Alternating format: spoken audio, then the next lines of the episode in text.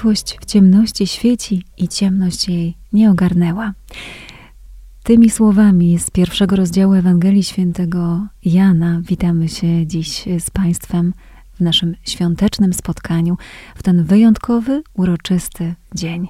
Szczęść Boże, Izabela Banaszewska. Ojciec Tomasz Mordziałek i również e, szczęść Boże. W radości Bożego Narodzenia e, my pragniemy z Wami pochylić się ponownie nad e, pięknym przedstawieniem właśnie Bożego Narodzenia. Tym razem okiem Rembrandta spojrzymy na tą wspaniałą tajemnicę wcielenia. Jesteśmy, drodzy Państwo, we wnętrzu stajenki.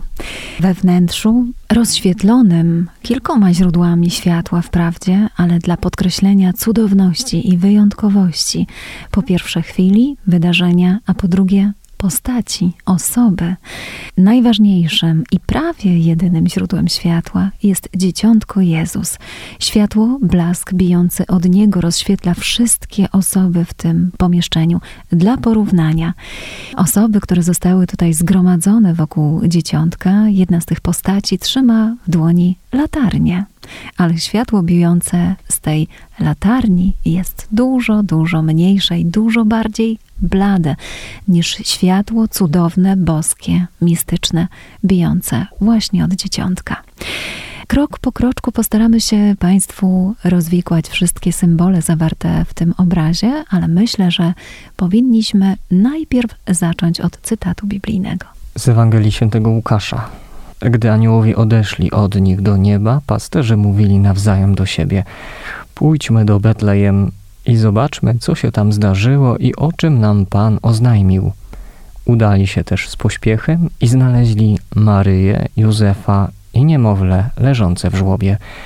Gdy je ujrzeli, opowiedzieli o tym, co im zostało objawione o tym dziecięciu. A wszyscy, którzy to słyszeli, dziwili się temu, co im pasterze opowiadali. I teraz spoglądamy na całą scenę oczyma pasterzy i przyglądamy się, cóż takiego ujrzeli w stajence. Gdy mówimy o stajence, wyobrażamy sobie pewną e, jakąś drobną, e, drewnianą budowlę, czy może nawet e, lekko się chwiejącą na wietrze przy większych podmuchach. Tu w przedstawieniu Rebranda mamy ogromne pomieszczenie, nawet nie nazwałbym tego szopką, lecz stajenką, czy po prostu konkretną, dużą szopą, a nawet swego rodzaju spichlerzem, gdyż samo pomieszczenie jest naprawdę duże i mieści wszystkie osoby, a jest ich sporo, nie mówiąc o samej świętej rodzinie, co też kilku, myślę, że nawet do dziesięciu pasterzy, plus jeszcze zwierzęta, które e, widzimy na naszym obrazie. Mamy parę wołów, mamy również psa, brakuje nam osła, ale to są wszyscy bohaterowie naszego obrazu, naszego przedstawienia Bożego Narodzenia, pokłonu pasterze. Patrząc e, na stajenkę, Zawsze możemy zastanawiać się, dlaczego takie wyobrażenie, bo e, przez e, w różnych miejscach, kościołach i tak dalej mamy przedstawienie właśnie takiej e, nędznej szopy, czy również albo groty. Jednak mamy formą przyjętą pewnej mm, zazwyczaj szopki, którą tradycję nawet budowania i przedstawiania tego pięknego momentu w dziejach zbawienia jest od IV wieku, dokładnie lat 30., kiedy to cesarzowa Helena ufundowała Bazylikę Narodzenia Pańskiego w Betlejem i nakazała tam wbudowania w grocie marmurowanego żłóbka, symbolu, który miał upamiętniać narodzenie Zbawiciela.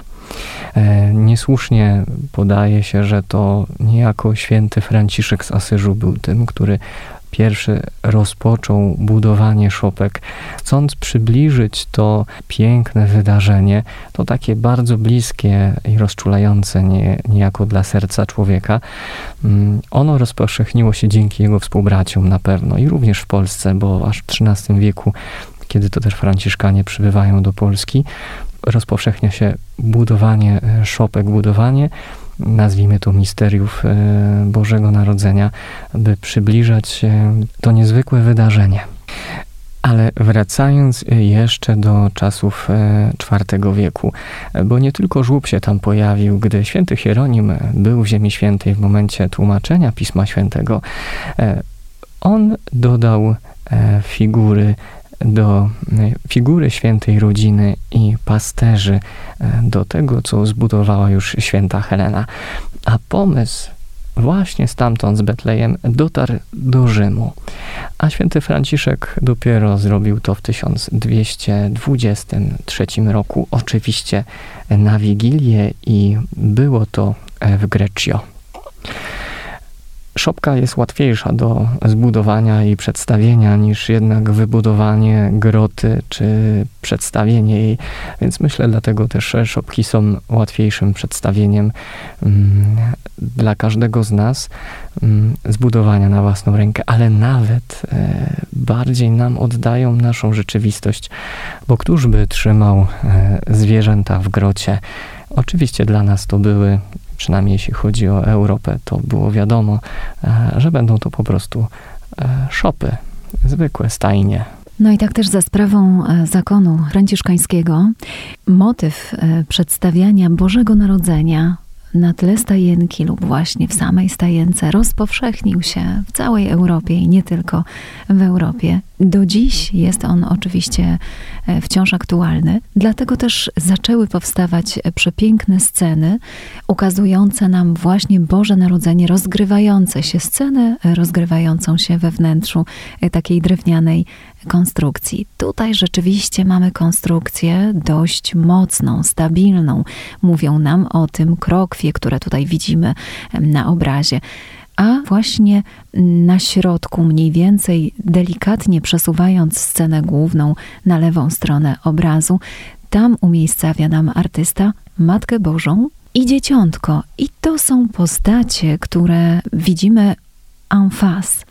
Za Maryją, za jej plecami jest obecny oczywiście zgodnie z tradycją święty Józef. On stoi, Maryja siedzi, dzieciątko jest umiejscowione. Zastanawialiśmy się z ojcem Tomaszem, czy użyć słowa żłóbek, czy jakaś taka delikatna drewniana konstrukcja, bo generalnie dzieciątko znajduje się na sianku. Nie mamy tutaj takiego typowego żłobu, który by symbolizował nam w obrazie Eucharystię, mszę świętą, ale mamy tutaj bardziej motyw Maryi trzymającej na kolanach swojego syna, z którego to motywu w późniejszym czasie wykształci się motyw pieta Maryi trzymającej martwe ciało Chrystusa po zdjęciu z krzyża. Te sceny są bardzo blisko siebie w sztuce. Scena Bożego Narodzenia i scena zmartwychwstania, śmierci i zmartwychwstania Chrystusa. To są momenty bardzo bliskie, również i teologicznie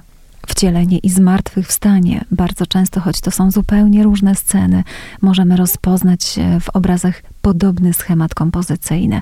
I w taki sposób właśnie e, artyści odczytywali teologię tych dwóch wydarzeń. A więc e, mamy właśnie niezwykłą, niezwykle ciepłą scenę. Gdy mówimy o przedstawieniach Bożego Narodzenia, e, widzimy, że prawie zawsze przedstawiony jest wół i osioł. Dlaczego? Gdyż mamy odwołanie tutaj do e, księgi proroka Izajasza, dokładnie pierwszego rozdziału, gdzie prorok mówi tak: Wół rozpoznaje swego pana i osioł swego właściciela. Izrael na niczym się nie zna, lud mój niczego nie rozumie. Mamy moment e, wcielenia się samego Boga, przyjścia Mesjasza, tak bardzo wyczekiwanego przez naród izraelski. A co dostajemy?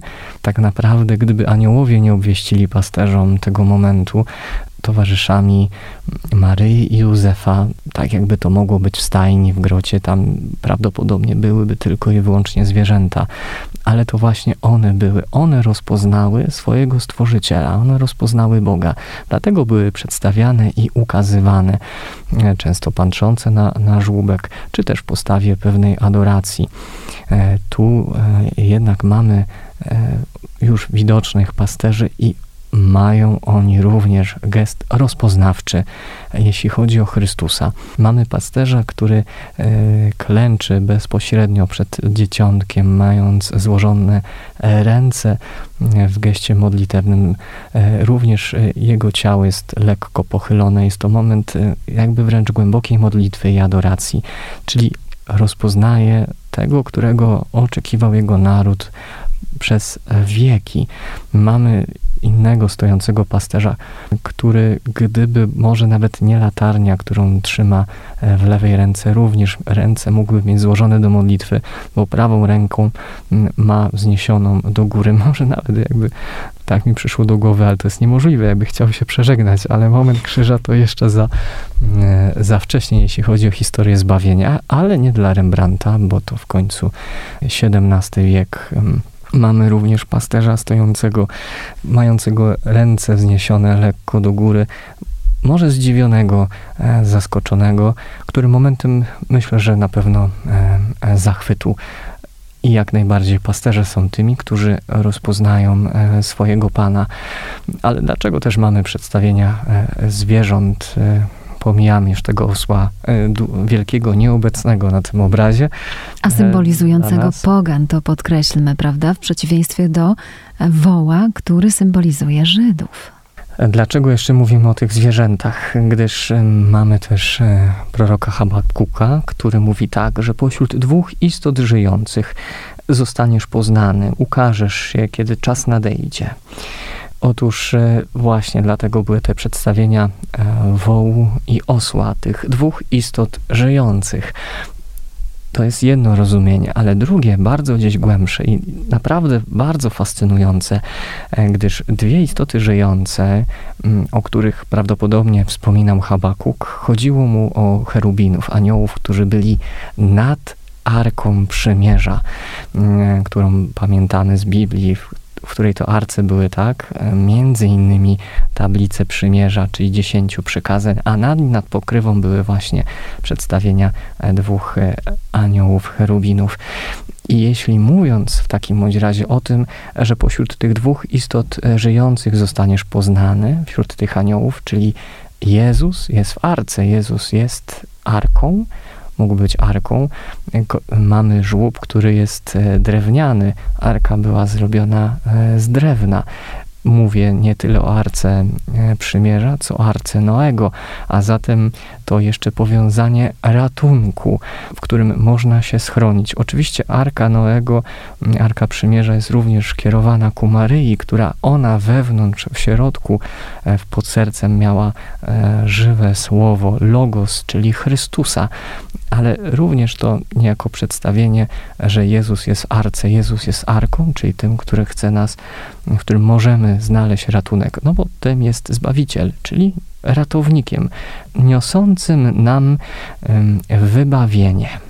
Tutaj ja bym poszła jeszcze krok dalej. Zobaczmy, że całe nasze przedstawienie ukazuje nam drewnianą, mocną strukturę. Cała ta stajenka, którą nam tutaj wymalował Rembrandt, jest pewnego rodzaju arką dla tych, którzy rozpoznają w Chrystusie Zbawiciela, dla wszystkich wierzących. To oni przychodzą, aby się przy nim schronić. Jego obecność daje im właśnie ochronę i zbawienie w konsekwencji e, przyszłości. Niezwykle ciepła scena. Rembrandt e, namalował takich pasterzy, jakich znał, jakich widywał w Amsterdamie, w okolicach Lejdy, gdzie przyszedł na świat. E, to cała grupa pasterska złożona z pasterzy w różnym wieku. Mamy tutaj także i dziecko. Pasterzom towarzyszyły bardzo często psy, stąd też i pies zawitał do tej sceny, ale e, powiedzmy jeszcze o dodatkowym znaczeniu tego zwierzęcia. Zawsze było ono przedstawiane w momencie, kiedy e, mówiliśmy o wierności, to ma, ma, nam tutaj zasugerować wierność. To są te pierwsze dary, które e, otrzymuje Chrystus. Pasterze składają swoją wierność i lojalność Jezusowi. Jeśli chodzi o symbolikę samego żłobu. Mamy tutaj dzieciątko Jezus umieszczone na sianku, ale jakąś tam drewnianą e, konstrukcję widzimy, choć ona jest przed nami troszkę schowana, zasłania ją pasterz, który adoruje dzieciątko. Żłób będzie nas odsyłał również i do tej symboliki chleba. Zresztą do symboliki chleba za świętym Atanazym odsyła nas sama nazwa Betlejem, czyli dom chleba. No i teraz patrząc na to, na ofiarę Chrystusa, na to, że ma on być chlebem dla wszystkich wierzących, żłób kieruje nas właśnie w tę stronę to jest ta symbolika eucharystyczna. Bardzo często dlatego też malowano żółb w taki sposób, aby zasugerować nam ołtarz, gdzie spoczywa ciało Chrystusa. Jezus leżący w żłobie, czyli miejscu, gdzie zwierzęta mają swój pokarm, e, gdzie stworzenie może się posilić. Piękna ta symbolika, dla nas bardzo czytelna, dla e, pozostałych, no cóż, do odkrycia dopiero. Dlatego ja zawsze mniej więcej, gdy słyszę o różnych e, pewnych obrazach, symbolach, czy pewnych powiązaniach, jeśli chodzi o Biblię i wypełniania proroctw, naprawdę jest to piękne, mm, słysząc o tym, jak to Bóg wszystko e, pięknie zaplanował i, i niejako e, używając może takiego trochę młodzieżowego słownictwa, dokonuje takich easter eggów e, ogólnie w całej Biblii historii zbawienia, odsyłaczy danych momentów, e, które warto nam odkrywać i które pokazują piękno i e, złożoność e, całej tajemnicy e, zbawienia, całej tajemnicy naszego ratunku. A Rembrandt, drodzy Państwo, nad pięknem również się pochyla w tym obrazie. Przede wszystkim robi to w zachwycających efektach światłocieniowych. Jest on mistrzem światłocienia i podobnie jak Caravaggio, którego interesowały efekty luministyczne, on też przez całe swoje życie będzie studiował światło i to, w jaki sposób ono się rozprasza, w jaki sposób ogrzewa postaci ludzkie. To będą zagadnienia, które będą ewaluowały u Rembrandta przez całe jego życie. U niego światło, w odróżnieniu do Caravaggia, nigdy nie będzie gwałtowne. Będzie to zawsze światło metafizyczne, które będzie jeszcze bardziej wzmacniało w nas mistycyzm, poczucie mistycyzmu scen, które dla nas tworzy. I taki jest właśnie i ten obraz.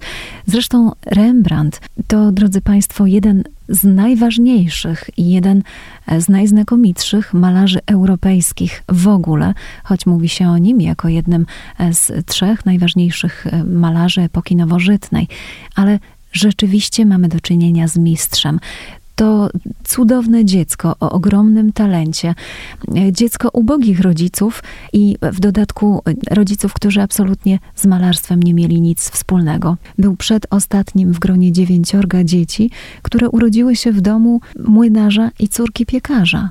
Rodzina bardzo prosta, uboga, a w nim pojawił się tak niezwykły talent, który rozwijał Rembrandt przez całe swoje życie.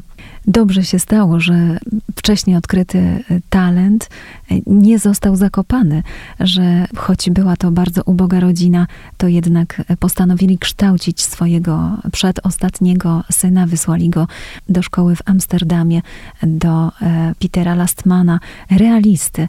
To z jego warsztatu Rembrandt przejmuje no przede wszystkim narracyjny styl, taki styl opowiadania swoich obrazów, ale także i ukazywania psychologicznej głębi postaci. Dlatego będzie on doskonałym portrecistą. Tutaj nie mamy portretu, tutaj daje nam tę scenę troszeczkę w oddali, przez co również do nas mówi. On mówi do nas przez wszystkie symbole i szczegóły tego obrazu, o czym nam chce powiedzieć, jeżeli nie przybliża nam e, twarzy. Przede wszystkim chce nas skoncentrować na tajemnicy wcielenia Chrystusa i każe nam tę właśnie tajemnicę dzisiaj kontemplować. Rozpoczynaliśmy cytatem z Ewangelii według świętego Jana, dlatego myślę, że i cytatem z Ewangelii e, świętego Jana zakończmy. W nim było życie, a życie było światłością ludzi. Życzymy Państwu, drodzy słuchacze Radia Jasna Góra, aby ta światłość prowadziła Was każdego dnia i rozświetlała szczególnie te ciemne drogi, po których nieraz zdarza nam się chodzić. błogosławionych świąt. A te wszystkie szopki, które będziecie mogli, czy już widzieliście, albo będziecie jeszcze a, spoglądać w takich czy nie innych miejscach, kościołach, abyście widząc i kontemplując tą e, piękną tajemnicę przyjścia Boga na świat w postaci małego dziecięcia, abyście odkrywali w tym wszystkim e, piękno e, i głębie Bożej miłości do każdego z nas. Żegnamy się z Wami bardzo ciepło, gorąco i świątecznie. Do usłyszenia.